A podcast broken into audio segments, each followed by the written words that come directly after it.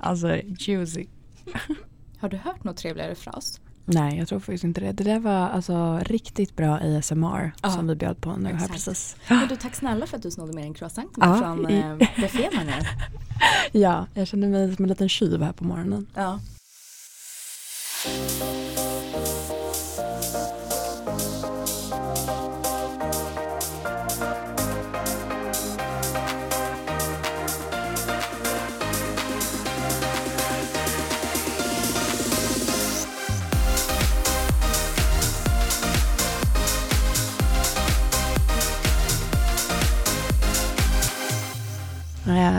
På dig. God morgon. Det är eh, en tidig, tidig söndagmorgon eh, här i Stockholm. Ja, alltså när jag gick till tunnelbanan och skrev till dig Mm. och jag såg inte en själ på gatan. Då tänkte jag, vi är de första vakna i Stockholm idag. Ja, lite så kändes det när jag gick Mm. upp i morse. Men eh, så kan det vara. Ja. Vi har ett eh, väldigt spännande avsnitt framför oss idag. Mm, det har vi. Ehm, vi är ju tillbaka med Kronos Care idag. Exakt. Vi har gjort två fantastiska avsnitt tillsammans med Maria därifrån. Eh, och henne har vi ju även med oss idag också. Mm. Men sen så har vi även en till gäst med oss idag. Som kommer att prata lite om hur det är att faktiskt få diabetes typ 2. Mm, Med sina egna erfarenheter. mm. Jätteintressant tycker jag. Verkligen. Där vi har ju erfarenheten av typ 1 och vår gäst av typ 2. Och här kan vi bolla mycket tänker jag. Verkligen. Superintressant att se likheter och skillnader och, och hur det är att leva med typ 2. Så välkommen till dagens avsnitt Kim och Maria. Välkomna. Tackar, tackar. Tack så mycket. Kul att ha er med. Eh, vi har ju haft som vi sa Maria med tidigare. Mm. Eh, men du kan få presentera dig lite igen Maria. Ja, Maria Björklund heter jag och är diabetessköterska för Kronos Care. Och vi är ju då ett digitalt diabetesföretag, en en klinik eh, dit man kan eh, komma om man har diabetes typ 2. Precis. Och sen då så har vi med oss en ny gäst, Kim. Ja, Kim heter jag, Kim Larsson. Eh, Jag är från Enviken. Jag har väl gjort en resa med typ 2-diabetes eh, så att jag fått den att gå i remission kan man väl säga. Eh, Och det är väl därför som jag har pratat och hängt med lite i olika diabetesforum efter det. Jag har tre stycken barn, eh, bor i en, i en liten håla norr om Falun och lever mitt liv som vanligt i stort sett trots min sjukdom. Gud vad intressant och det här kommer vi gå in på djupet på nu. Hur det är att leva med, med typ 2 diabetes. Vill du börja med att berätta bara när fick du diabetes och hur gick, hur gick det till? Alltså det, det hela började egentligen med att jag sökte vård för helt andra saker. Alltså jag hade, hade värk i, i händerna och fötterna, speciellt när jag vaknade på morgonen. Så jag kom inte ur sängen på morgonen. Jag minns att jag fick sitta på kanten av sängen och liksom typ vänta på fötterna. Så jag, jag sökte vård, jag trodde att jag hade någon typ av eh, neurologiskt, eh, liksom något, något, något bekymmer på det, på det planet. Och det trodde läkarna också, så det tog nästan ett helt år innan man upptäckte att jag hade högt eh, fastevärde, alltså högt blodsocker. Och eh, då var det ju ganska liksom panik att man skulle börja med någon typ av medicin och hela den biten. Och jag funderade mycket på, för jag hade en livsstil som var minst sagt tvivelaktig kanske kan man säga då i alla fall. Eh, så att eh, då började en resa för mig där jag skaffade mig en massa kunskap och provade en massa saker och, och, och, och liksom såg om jag kunde påverka det här. Ja, för hur var reaktionen när du fick reda på det? Alltså det var en mörk torsdag. det var verkligen en mörk torsdag därför att det kändes som att, att på något sätt så, så var det också svårt att veta, kan det här verkligen vara det som gör att jag, du vet, har ont i fötter? Det låter ju helt orimligt. Eller att jag, att, att jag liksom är så trött eller sliten eller... Eh, och, och, jag hade svårt att sätta, mina, liksom, sätta huvudet runt det. Vad är det här för någonting? Och, och sen kände jag också eh, när dagen började tv mot sitt slut att jag måste ju liksom ta reda på hur stor del av mina problem hör ihop med, med diabetesen. För att annars så vet jag ju liksom inte vad, vad mina problem är. Jag hade ju liksom så mycket svårigheter så att jag började fundera på om min relation var dålig. Alltså, är det någonting fel med mitt sätt att leva i övrigt? Eh, och sen kommer det här då att jag har högt socker. Eh, så att... eh, Ja, det var, det, var, det var klurigt och jag tycker synd om min läkare för hon trodde nog att jag var någon sån här riktig urgubbe. För jag liksom, nej men jag måste prova och, och, och göra en livsstilsförändring först och se vad kan jag göra med den. Och om jag inte kan det med den, okej okay, fine. Men jag måste veta om det går att göra någonting själv liksom. Mm. Hade du någon koll på vad diabetes var innan du fick den? Alltså diabetes är ju en sån här sjukdom som, alltså jag, sockersjuka har man ju hört liksom om, om äldre personer eh, och, och sen har man hört talas om diabetes men nej, inte någon sån här övergripande koll egentligen utan det jag hade hört och det jag läst är ju att diabetes ökar ganska mycket i de länder som det finns pengar och som det finns utveckling i. Eh, det har jag hört liksom någonstans i periferin men det var ju ingenting jag gick runt och tänkte på dag, i dagarna liksom. Eh, så det var väl, jag visste egentligen inte så mycket utan jag, jag, jag bestämde mig då för att jag måste lära mig. Jag ska skaffa mig kunskap om det här så att ingen kan eh, lura mig att jag gör fel eller rätt eller vad jag nu eh, vad det nu blir. Liksom. Då känns det ju också som att du hade en ganska bra inställning till det ganska direkt. Um, för vi pratar ju mycket om, nej nu ser det tveksam ut, men vi pratar ju ganska mycket om acceptans uh, i den här podden. Uh, just med liksom vår egna diabetes, att den kan vara ganska svår att hitta många gånger. Uh, hur var det för dig? Alltså jag tänker att att det blir en skillnad där när man har en liksom kronisk sjukdom som vi inte vet anledningen till att vi får eh, jämfört med att vi har en sjukdom som vi vet anledningen till att vi får i alla fall, vad brukar man säga, nio av tio fall så är det ju kopplat till ens livsstil, ens övervikt och, och hela den biten. Och därför så tror jag att acceptans för mig också blir ett lite riskabelt ord. Alltså jag, jag, har verkligen förståelse för hur viktigt det är att man liksom inte naivt trampar på. Men man kan heller inte acceptera att man lever väldigt dåligt när man har fått typ 2-diabetes. För att då kommer man inte att få några bra resultat på behandlingen. Nej. Så att, eh, förstår ni att jag men, vad jag menar med att ordet är lite, så här, lite knepigt laddat? Fast det är ett positivt ord, men... Hmm. Ja, det, mm, så jag kunde inte acceptera det. kan jag säga då. Alltså jag köpte det inte utan jag, jag blev eh, liksom nästan anti. Och det, det, går ju inte heller. Det blir ju jättejobbigt att leva så. Speciellt om man inte kan påverka någonting. Mm.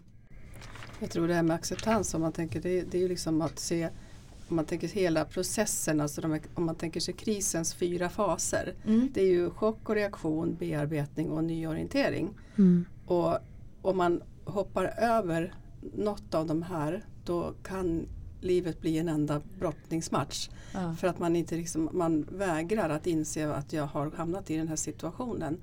Men också som du säger Kim också då, så det handlar inte om att luta sig tillbaks och bara acceptera och liksom nu, jag gör ingenting åt det. Utan alltså, det, det är det som är det viktiga, att man liksom till slut på något sätt bli vän med det här att ja, jag har den här sjukdomen och det är mycket upp till mig nu att, att, eh, att jag ska må bra. Mm.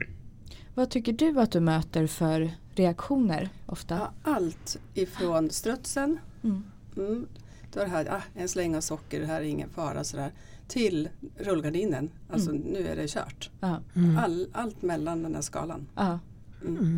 Hur stöttar ni liksom från sjukvårdens sida? Hur, hur, liksom, hur vägleder man någon genom, genom det här? Ja, där gäller det att ha fingertoppskänsla och verkligen lyssna. Inte bara babbla på och informera eh, hela tiden utan börja med att lyssna. Men vem är det jag har framför mig just nu? Ja. Och var på skalan befinner sig han eller hon just nu? Mm. Och utifrån det se, okej, okay, här, här handlar det mycket om att vi behöver prata. Och och om, om själva situationen. Kanske in, alltså, och så får vi ta det här mera praktiska vid nästa möte. För man kanske måste ta ett till möte för att personen är så i chock och kan inte mm.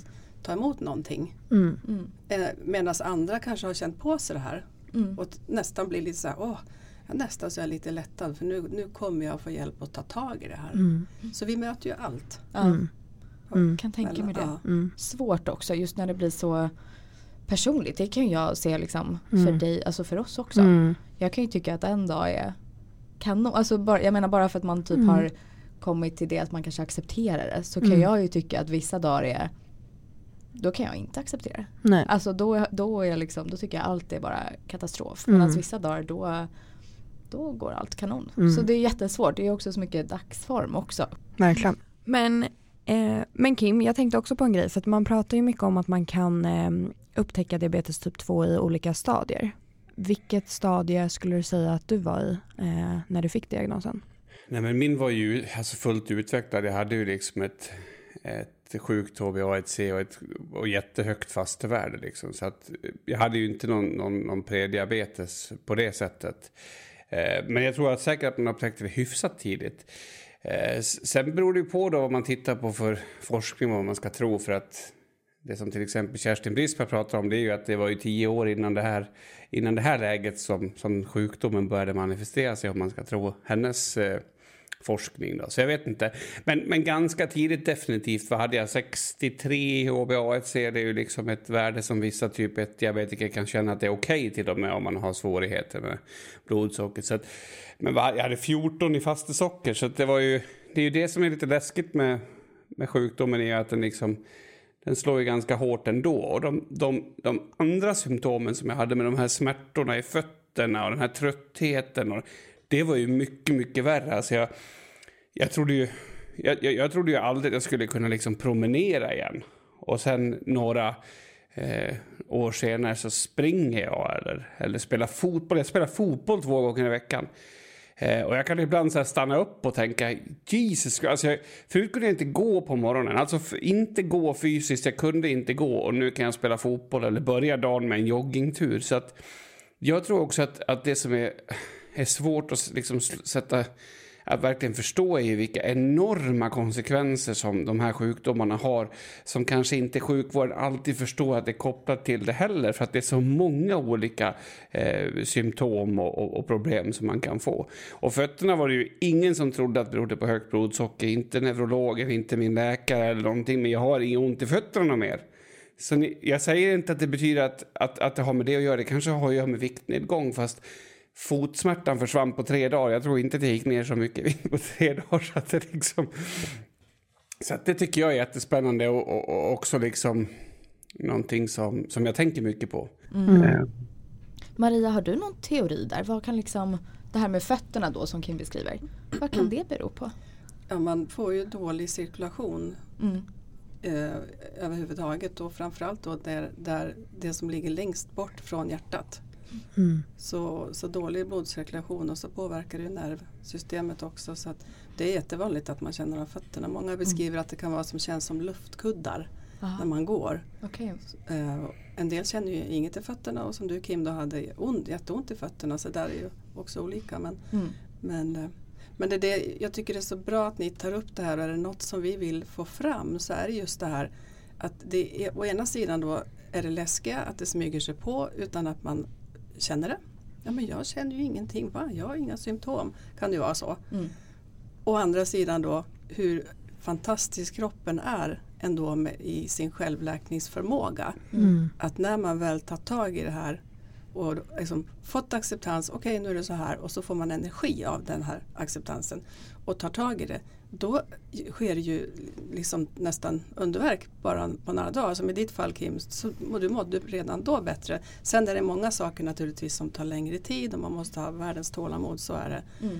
Men kroppen är fantastisk. Mm. Alltså, för jag, jag, tror att många upplever att men nu har jag det här problemet och sen har jag det här problemet och sen har jag högt socker också. Alltså jag orkar inte ta tag i allt det här. Eh, Medan min upplevelse snarare är att ta tag i det här höga sockret och få ordning på det så kan mycket saker följa med på vägen. Precis som du säger, några saker kanske sker över en natt men några saker sker över lång tid. Jag tror att man, att man lätt kan se det som ni vet, jag har så mycket olika problem nu så att det här, jag skiter i det här, jag orkar liksom inte. Men i grund och botten kanske alltihop hänger ihop. va? Eh, och, och, det tycker jag är jäkligt spännande. Nu blir jag ju lite sådär nästan lite frireligiös när jag pratar om det. För att just den resan som jag har gjort med min hälsa. Alltså jag hade svamp över hela kroppen, det gick inte att behandla. Eh, och jag hade olika behandlingar, jag testade olika tekniker. Jag tvättade sängkläder, la dem, hängde ut dem, följde någon huskur och allt möjligt. Men när sockret gick ner då försvann den. Då var den borta.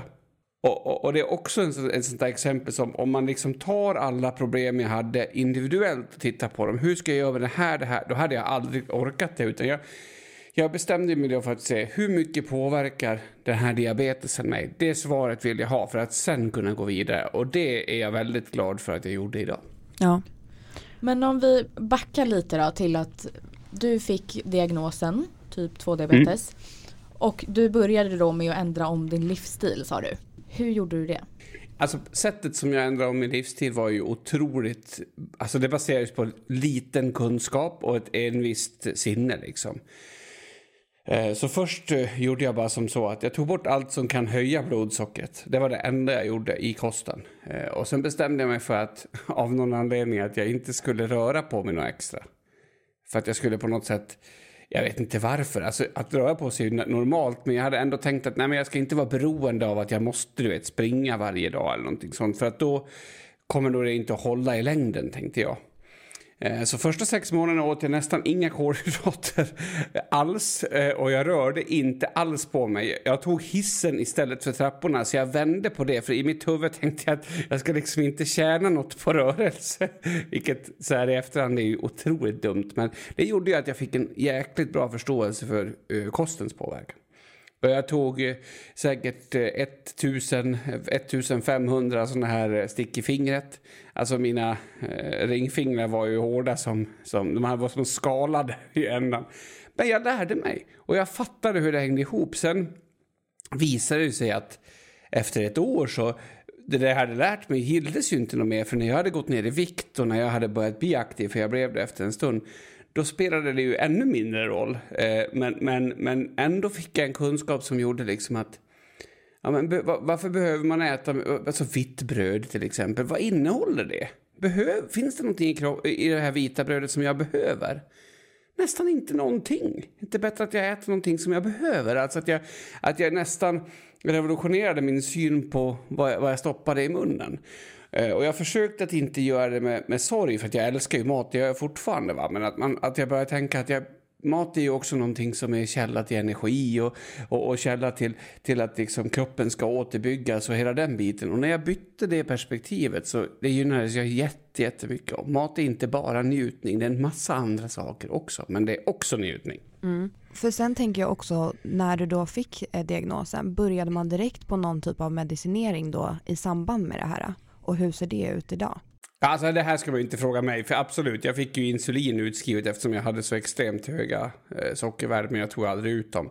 Och det här är ingenting som jag rekommenderar till folk eller liksom tycker att alla andra ska göra likadant, utan det är klart att man ska lyssna på sina läkare, men, men, men jag kände att jag kan liksom inte eh, bota min livsstil med en spruta till att börja med, utan jag måste se först vad jag kan göra genom att ändra min livsstil. Och, eh, och jag är, det finns ju liksom lite olika syn på det där. Men, men det finns ju bra mediciner och Metformin skulle jag gissa är den mest vanliga. Det här är väl en bättre fråga för Maria egentligen. Men eh, den känns ju som att den skulle jag kunna tänka mig att fortsätta äta för att den har så mycket goda liksom, eh, biverkningar om man säger så. Att man lever längre och att man minskar risken för cancer och hjärtkärl och allt sånt där. Så jag tror att det är den vanligaste. Men kanske jag ska släppa in Maria och låta hon berätta om det här. Ja, men det, det, kan, det har du rätt i Kim, att Metformin är en förstahandsmedicinering då. Förr i tiden då fick ju alla med typ 2 insulin direkt då. Um, idag finns det också andra nya sorters mediciner som man kan ta till och det här beror ju på situationen, vilka, vilka, hur höga värdena är och uh, ja, vilken, sorts, vilken ålder man är och så. Men uh, det viktiga är ju att liksom få ner blodsockret snabbt och de flesta är väl kanske inte som dig Kim som tänker som, som du gör att nej nu rivstart så här. Och i, i ditt fall funkar det ju men en, många som gör rivstarter kan, kom, hamnar ju tyvärr att det blir bakslag mm. också. Men, mm. men, du är ju ett undantag i det Kim, verkligen. Och eh, alla är så himla olika och det är det, det är det som gör det spännande att jobba med det här också. Att mm. det, det, är verkligen individuella lösningar man får hitta. Men det viktiga är att fort komma ner i sitt blodsocker eftersom det skadar ju då. Mm. Eh, och, men, och den här första, första met, metforminet då den, den, är ju som du säger Kim, det är en väldigt bra medicin förutsatt att man tar den exakt på rätt sätt. Mm. Får jag säga några ord om det här för jag är så mån om att mm. sprida kunskap hur man ska ta Metformin. Absolut. Mm. För att I vården är vi ofta väldigt otydliga med hur man ska ta den tabletten. Och då står det så här i, i bipacksedlar och i broschyrer och så här så står det ska tas i samband med mat hur, då kan jag börja med att fråga er, hur tolkar ni, om det står tas i samband med mat, hur tror ni att de flesta gör då? Jag tänker att eh, jag tar innan då jag börjar äta. Ja, mm. eller mitt mm. i, eller något. Mm. Ja, det är luddigt. Då, mm. ja, det är luddigt. Mm. Och det här gör, alltså, för de flesta tolkar det som, eller jag ska inte säga de flesta, men många mm. tolkar det som att man tar det före maten. Man lägger upp tabletterna vid tallriken och så Precis, och så tar man och så börjar man äta.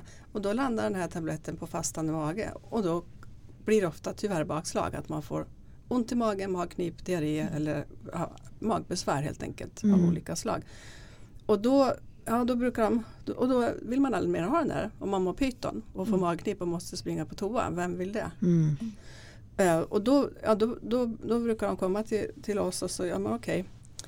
Och då får vi liksom ett tag försöka säga, men tror att du kan ge det en ny chans. För det är verkligen en bra medicin. Och det brukar kunna gå om man gör en omstart Mm. och mjukstart. Mm. Ah, okej.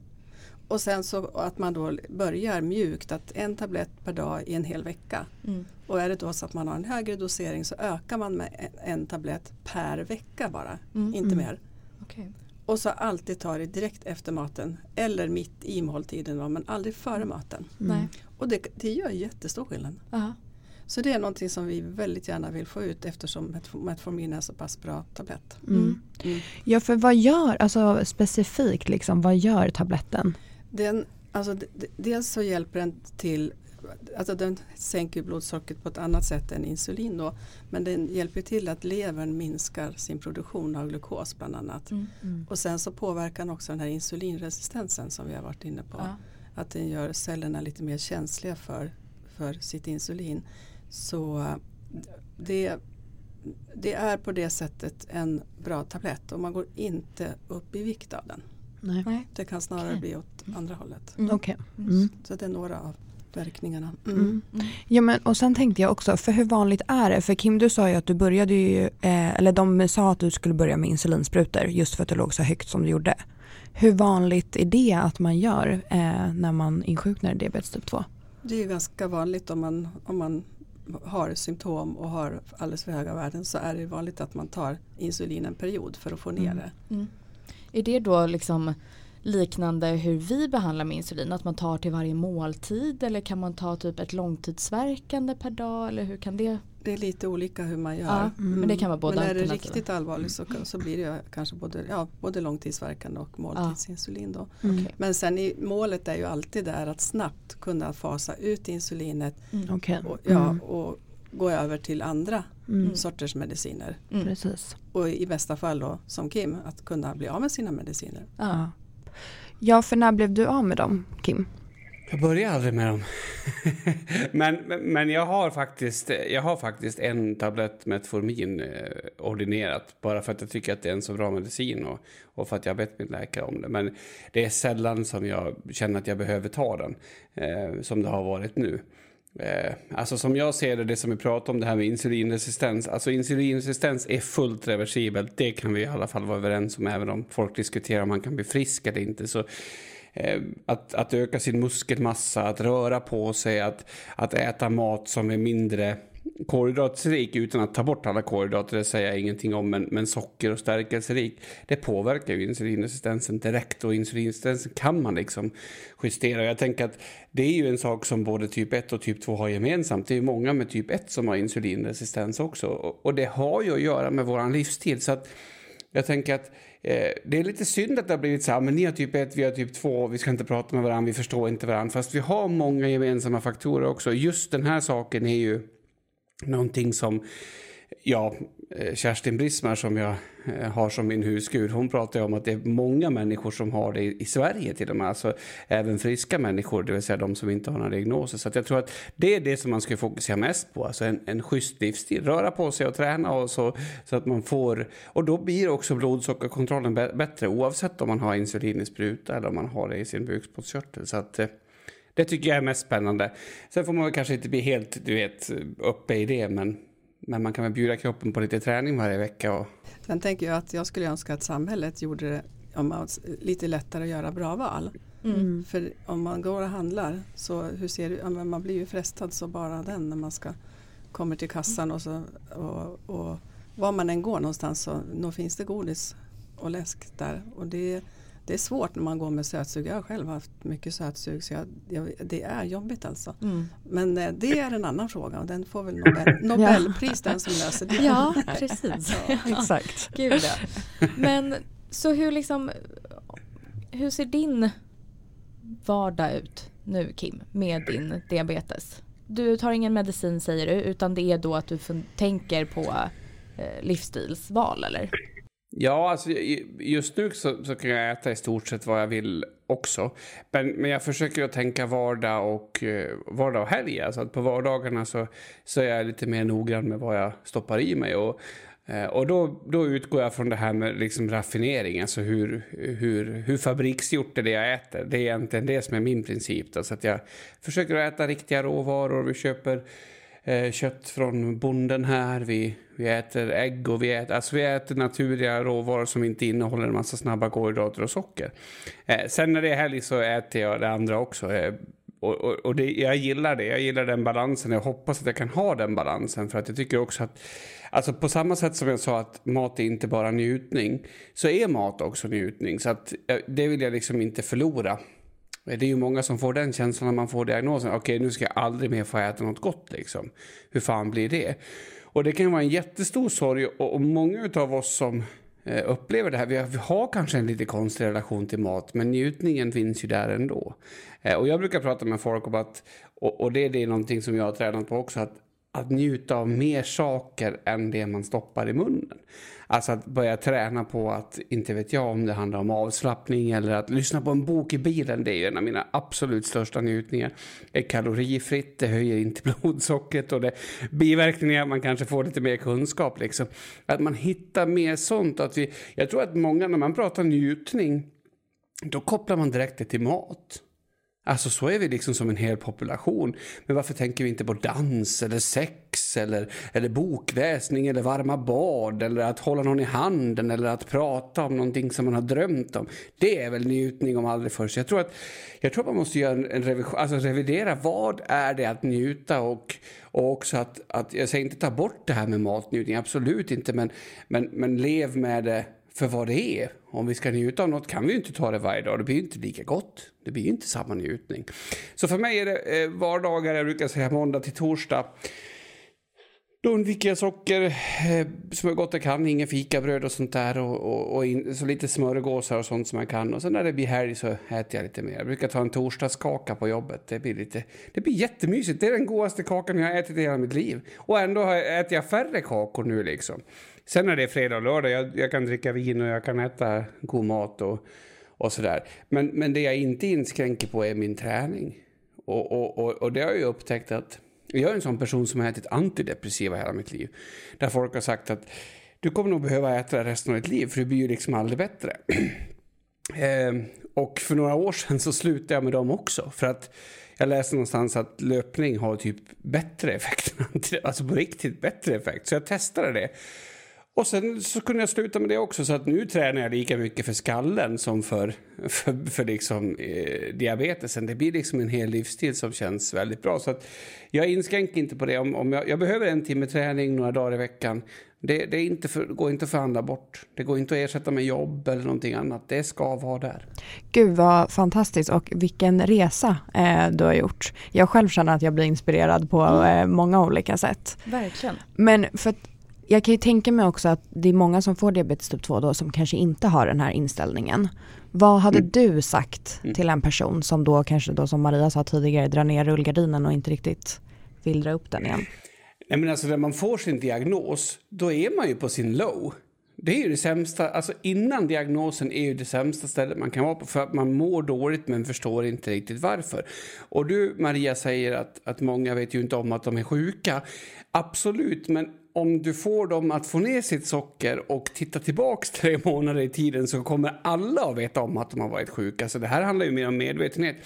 Så jag tänker att, och grattis, du har fått din diagnos. Nu kan du få ordning på ditt liv. Grattis! Fan vad roligt för det. Alltså, det är verkligen bara ett positivt besked. Och och, och, och, skit i vad det står i någon journal någonstans. Du har ju haft det här i tio år. Så det är ju bara det att någon har hittat det nu liksom. Nu pratar jag om den här studien där man ser att det har funnits längre än, än liksom innan diagnos. Så, så att nu är det ju bara, nu är det bara dags att göra någonting åt det. Och, och, du kommer att bli piggare, du kommer att, att få ett bättre sexliv, du kommer att, att komma ut mer. Alltså allting kommer att bli bättre. Det finns ingenting som kommer att bli sämre efter diagnos. Eh, förutom om du tar det här på fel sätt. För att, och det, det, är klart, att säga så är ju sjukt provocerande till någon som tar det på fel sätt. Men det här handlar om hur vi tar det. Hur hanterar vi det här? Vad är det de säger? Är det en dödsdom eller är det bara en, en, liksom en beskrivning av varför jag har varit så trött, varför jag inte har orkat, varför jag har haft ont i min kropp. Ja, det kanske är det och det går att göra någonting åt med medicin och träning och, och, och livsstil. Mm. Sen tror jag det är viktigt att man får förståelse att vissa saker tar lång tid. Vissa saker kanske blir bättre som, som för dig då Kim med dina fötter på tre dagar. Det är liksom, men många, många gånger så tar ju de här processerna lång tid och det är, om man tänker sig då att det kanske har pågått i 10 år eller kanske 20 år, det, alltså, det kan till och med ha varit längre. Då är det ju inte liksom så givet att det ska ta några dagar eller veckor, kanske månader. Man mm. kanske får hålla på i år. Mm. Men, men, men ofta så känner man ju någon förändring väldigt tidigt och då gäller det att hämta energi ifrån det. Aha, kroppen är liksom på självläkning, det håller på att och lösa sig. Och då får man verkligen ta, liksom, wow, nu händer det saker. Men sen tar andra, andra delar som tar mycket längre tid och så kanske det blir bakslag och så provar man då kanske Metformin och så pajar magen. Och, ja, ni vet, det, mm. det, det, är mycket, alltså kanske ett steg framåt och så två steg bakåt. Mm. Så här kan det ju hålla på. Så att det, det hade jag haft tålamodsdroppar då skulle jag ge alla mm. människor tålamodsdroppar som kämpar mm. med det här. Ja. För att ta, för att det många gånger tar det tid. Men som du säger Kim, det är intressant för att jag upplever också många gånger att personer säger så här, ja, men jag har inga symptom. Jag känner inget så. Mm. Och så sen några månader efter, och, men när jag tänker efter, jag känner verkligen det, det du säger Kim, när jag tänker efter så var jag faktiskt väldigt trött men, ja, men vem är inte trött och hängig? Mm. Mm. Men då tar man ju fyra koppar kaffe istället för två. Ja. Eller man, och så har man kanske lite så allmän kemisk känsla i kroppen. Och, ja, men jag tar en tre och så mm. kör jag på. Mm. Eller en energidryck kanske eller någonting. Så, mm. Eller ta mer godis eller någonting. Mm. För så blir man ju pigg en liten stund. Mm. Och, så att det, det är jätteintressant. Och, så vi har kanske vant oss vid också att ja, men, trötta och hängiga men det är liksom hör väl till. Mm. Exakt. Ja men och där tänker jag också, där är ju kroppen på sitt sätt fantastisk men kroppen vänjer sig också väldigt mm. snabbt. Det vet jag ju själv när jag var yngre och hade svårt att acceptera min diabetes. Då eh, låg jag väldigt högt i blodsocker väldigt länge. Men jag märkte ju inte att jag mådde så dåligt som jag gjorde förrän jag hade fått ordning på det. Mm. Eh, för kroppen vande sig vid det. Så mm. jag tänkte inte att det var någonting Nej. fel. Nej. Nej men för då tänker jag Kim, hur ser det ut för dig idag? För så som det låter, du tar inte eh, medicin. Hur ofta kollar man blodsocker? Liksom, hur, hur vet du att du liksom har koll på det idag? Ja, alltså till, till en början så, så kollar jag varje dag och, och var väldigt noggrann som jag berättade tidigare. Men sen Sen började jag känna så här att fan, det blir, lite, det blir också en, en risk det där att det blir lite nojigt liksom att man tittar för mycket och att man, man, man eh, så jag försökte att, att, att, trappa ner lite med det. Och sen har jag gått på HbA1c helt enkelt, långtidssockret och nu, nu har jag klarat mig i, i, genom två stycken sådana mätningar utan att hålla på och kolla emellan faktiskt. Så att, eh, nu känns det som att jag har trappat ut det och fått bättre koll på det. Eh, men skulle mitt långtidssocker gå upp så skulle jag nog börja kolla lite mer igen så att jag har den relationen till det. För det blir ett jäkla, evigt stickande och det blir ju alltid i alla fall för mig, liksom, har jag lyckats eller inte? Och den känslan tror jag många har. Liksom, hur, hur, hur ligger jag till nu och hur går det? Och det är jättebra att ha, men man måste också på något sätt lita på processen och få tillbaks förtroendet för sin kropp. Alltså få, få tillbaks förtroendet för det jag gör, att det fungerar. Och kanske också känna efter, hur mår jag idag liksom? Är jag sliten, är jag trött, eh, behöver jag göra någonting annat åt det? Så just nu kollar jag faktiskt inte blodsockret någonting. Eh, och när jag säger det så låter det som att ja, då kanske jag har stoppat huvudet i sanden och inte vet. Men eh, mitt senaste HbA1c var 32. Eh, och det var ganska nyligen, så jag ska titta. Eh, eller ja, jag ska väl titta snart igen. Det har ju varit covid så det är inte så populärt då när man har eh, att hålla på och gå till doktorn med, med de där sakerna. Men, men eh, jag har försökt att trappa ut och inte kolla så mycket och istället se till att jag får, alltså att jag känner efter hur jag mår i kroppen och, och, och hela den biten och då inte fastna på om jag hade 5,4 på morgonen eller 4,8 och, och börja tänka för mycket på liksom vad det är bättre eller så, alltså det, det, kan bli, det kan bli lätt bli maniskt, eller jag kan i alla fall lätt bli det så att jag, jag har trappat ut det nu. eh, har jag gjort. Mm. Det låter ju helt fantastiskt. Ja. Alltså 32 i HBA1C för mig låter ju hur bra som helst. Du är unik Kim. Mm. Ja, Mm. ja men det är jätteinspirerande att höra verkligen. Och vad mycket man kan göra med liksom livsstil Ja, är ju otroligt. Men, och, men Maria var inne på det också, jag har ju lagt jättemycket tid och det tog ju mig otroligt lång tid att bygga upp min kropp, alltså bara rent fysiskt, alltså på gymmet. Jag, eh, min upplevelse när jag liksom började eh, gymma var att ja, men jag är ju ganska stark, jag har alltid varit stor och, och tjock och sådär liksom. Alltså jag var ju jättesvag.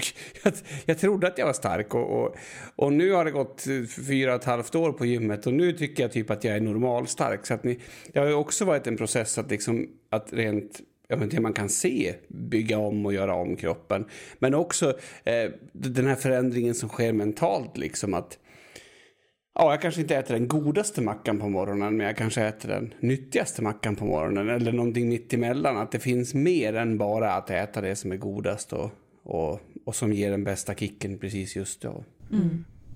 ja och hur många år sedan var det som du fick diagnosen? Mm, jag förstod att jag skulle få den här frågan. Jag försökte kolla tillbaks på Facebook. Men jag tror att det är fem år sedan nu. Eh, I år. Eh, så att det är ju... Nej, eller, eller om det är sex. Men jag har i alla fall klarat de här första åren. Och, och liksom, jag, jag, jag hoppas att det fortsätter gå åt rätt håll. Och, och det jag är nyfiken på är ju, kan man... Kan man liksom med den här livsstilen hålla borta det resten av livet? Eller kan jag det fram tills jag blir 50? Eller eh, kan jag... Alltså för att om man tittar på forskning och sånt så ser det ut som att ja, men efter 10 år då behöver man insulin om man har typ 2-diabetes. Jag, jag tror att, att mycket av det här beror på att vi inte har kommit åt grundproblemet med sjukdomen. Och, och det är min förhoppning. Och om jag nu har gjort det genom att bygga muskler och, och minska i bukfett och, och ta hand om mig själv på ett annat sätt så kanske jag kan klara det. Det är min vision i alla fall. Sen får vi se om det håller. Jag är ödmjuk för att det kan gå åt skogen. Vad säger du om det Maria? Kan det vara så att man, även om man liksom ändrar livsstil och allt fungerar jättebra, kan det gå över bara med tiden? Att man måste sen börja ta in insulin? Vi brukar säga att man, kan, man blir villkorat frisk Ja. om man nu har en typ 2 diabetes. Um, uh, för att det, det ligger latent, man, man har det kanske då ärftligt, ja, det finns där. Mm. Men, och kan ju bryta ut då. Det, och det är inte bara om man säger livsstilen, det, har, det kan ju vara en, livet kraschar kanske på något eh, Mm. sätt. Man får det jättejobbigt. Och då, då kan det ju komma, alltså, då kan det ju komma tillbaks i stresssituationer Ja, okej. Mm. till exempel. Så det är så många delar i det här. Då. Ja. Ja. Vi, hade, vi såg ju när flyktingvågen var, kom Mm. här och då var det ju många som, som eh, kom med typ 2 Just det. debut. Ja. Och det är klart att fly ett land i krig och, det, och Ja. förlora nära och kära. Alltså det, Gud ja. sådana saker spelar också roll. Men jag hoppas på att på sikt så ska vi komma fram till att... Alltså jag tror ju absolut att jag får sjukdomen igen om jag går upp i vikt om jag inte tar hand om mig själv. Men eh, jag hoppas på att inom, inom bara de närmsta tio åren att man ska prata om att man är frisk. Att man kan bli frisk från den här sjukdomen. Och det är vad jag tror. För jag tror att att så måste vi se. Det är många cancersorter som också kommer tillbaks eller som har en stor risk för det. Men ändå så kommer man ju få efter några år eller sådär beskedet att ja, men just nu är du frisk. Liksom. Och jag tror att, att det behövs i det här för att eh, om vi ser livsstil som kroniskt då blir man aldrig frisk. Men om vi ser det som föränderligt då tror jag att man kan bli frisk. Observera att jag säger tror och att jag är absolut ingen expert men jag släpper inte det förrän jag har blivit helt och hållet motbevisad. Jag tycker inte att jag har blivit det än. ja. Och det är en förhoppning som vi alla har. Ja, Ja, verkligen. Ja, vilket eh, fantastiskt eh, avsnitt vi har fått göra med dig Kim. Eh, Det Ja. har varit eh, så kul och lärorikt att eh, ha med dig i podden. Tack så jättemycket. Jag hoppas inte jag har pratat för mycket. Det är tyvärr något som inte går att bota när det gäller mig. Det är toppen Kim att få ditt, ditt perspektiv på det här. Ja, Ja, och så verkligen. verkligen inspirerande och Mm. motiverande Ja, verkligen. att Tack. höra din historia. Mm. Men Maria, det här är ju vårt sista avsnitt med dig också. Just det. Mm. Jag tänkte om, om vi bara ska knyta ihop säcken med och bara så här, ta några ord om Kronos igen. Bara avsluta vilka ni är. Ja, alltså Kronos, får, då får jag bli lite filosofisk nu då kanske? Ja, Mm. absolut. Eh, Jag får ofta frågan så här, ja men Kronos, vad betyder det? Mm. Och det är en bra fråga. Kronos Ja. Care heter vi.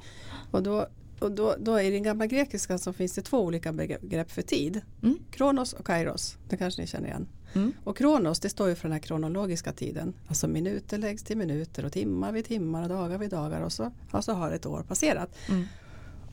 Eh, kairos det står för en helt annan sorts tid. Det, det är en form av djup tid. Och det är då man får de här upplevelserna av en djupare förståelse. Ja, ni vet när, så här, när poletten ramlar ner så här, aha, nu Mm. fattar jag. Och det är i stunder av kairos då, vi, då, då landar vi i en form av mjuk förståelse. De här sekunderna då allt faller på plats och vi växer då med nya insikter. Och vi, vi, vi på Kronos vi, vi går bredvid och ger stöd dag efter dag, år efter år till personer som ska leva med sin kroniska typ 2. Då. Mm. Och så gör vi allt, för att vi allt vi kan för att du ska då uppleva stunder av kairos. Mm. Nu var jag filosofisk. Ja. ja. Verkligen. Nej, men rent konkret då så är vi har ett, man får ett eget diabetesteam, diabetessköterska, diabetesläkare och dietist. Och vi kompletterar då primärvården, vi konkurrerar inte utan vi kompletterar där primärvården inte hinner med. Mm. Eh, Så, och just det här med uppföljningen och livsstilen och bli peppad. Mm. Det, det är ju det vårt team gör då. Ja. Mm. Och så bra arbete ni gör. Mm. Och alla typ 2 som lyssnar där ute, ta kontakt med ert fantastiska team. Mm. Ehm, så får vi väl tacka för idag. Verkligen. Ja, Ja, tack för idag. tack Tusen tack. För det ni gör. Tack. Ha det så bra uppe i Dalarna också då. Ska försöka.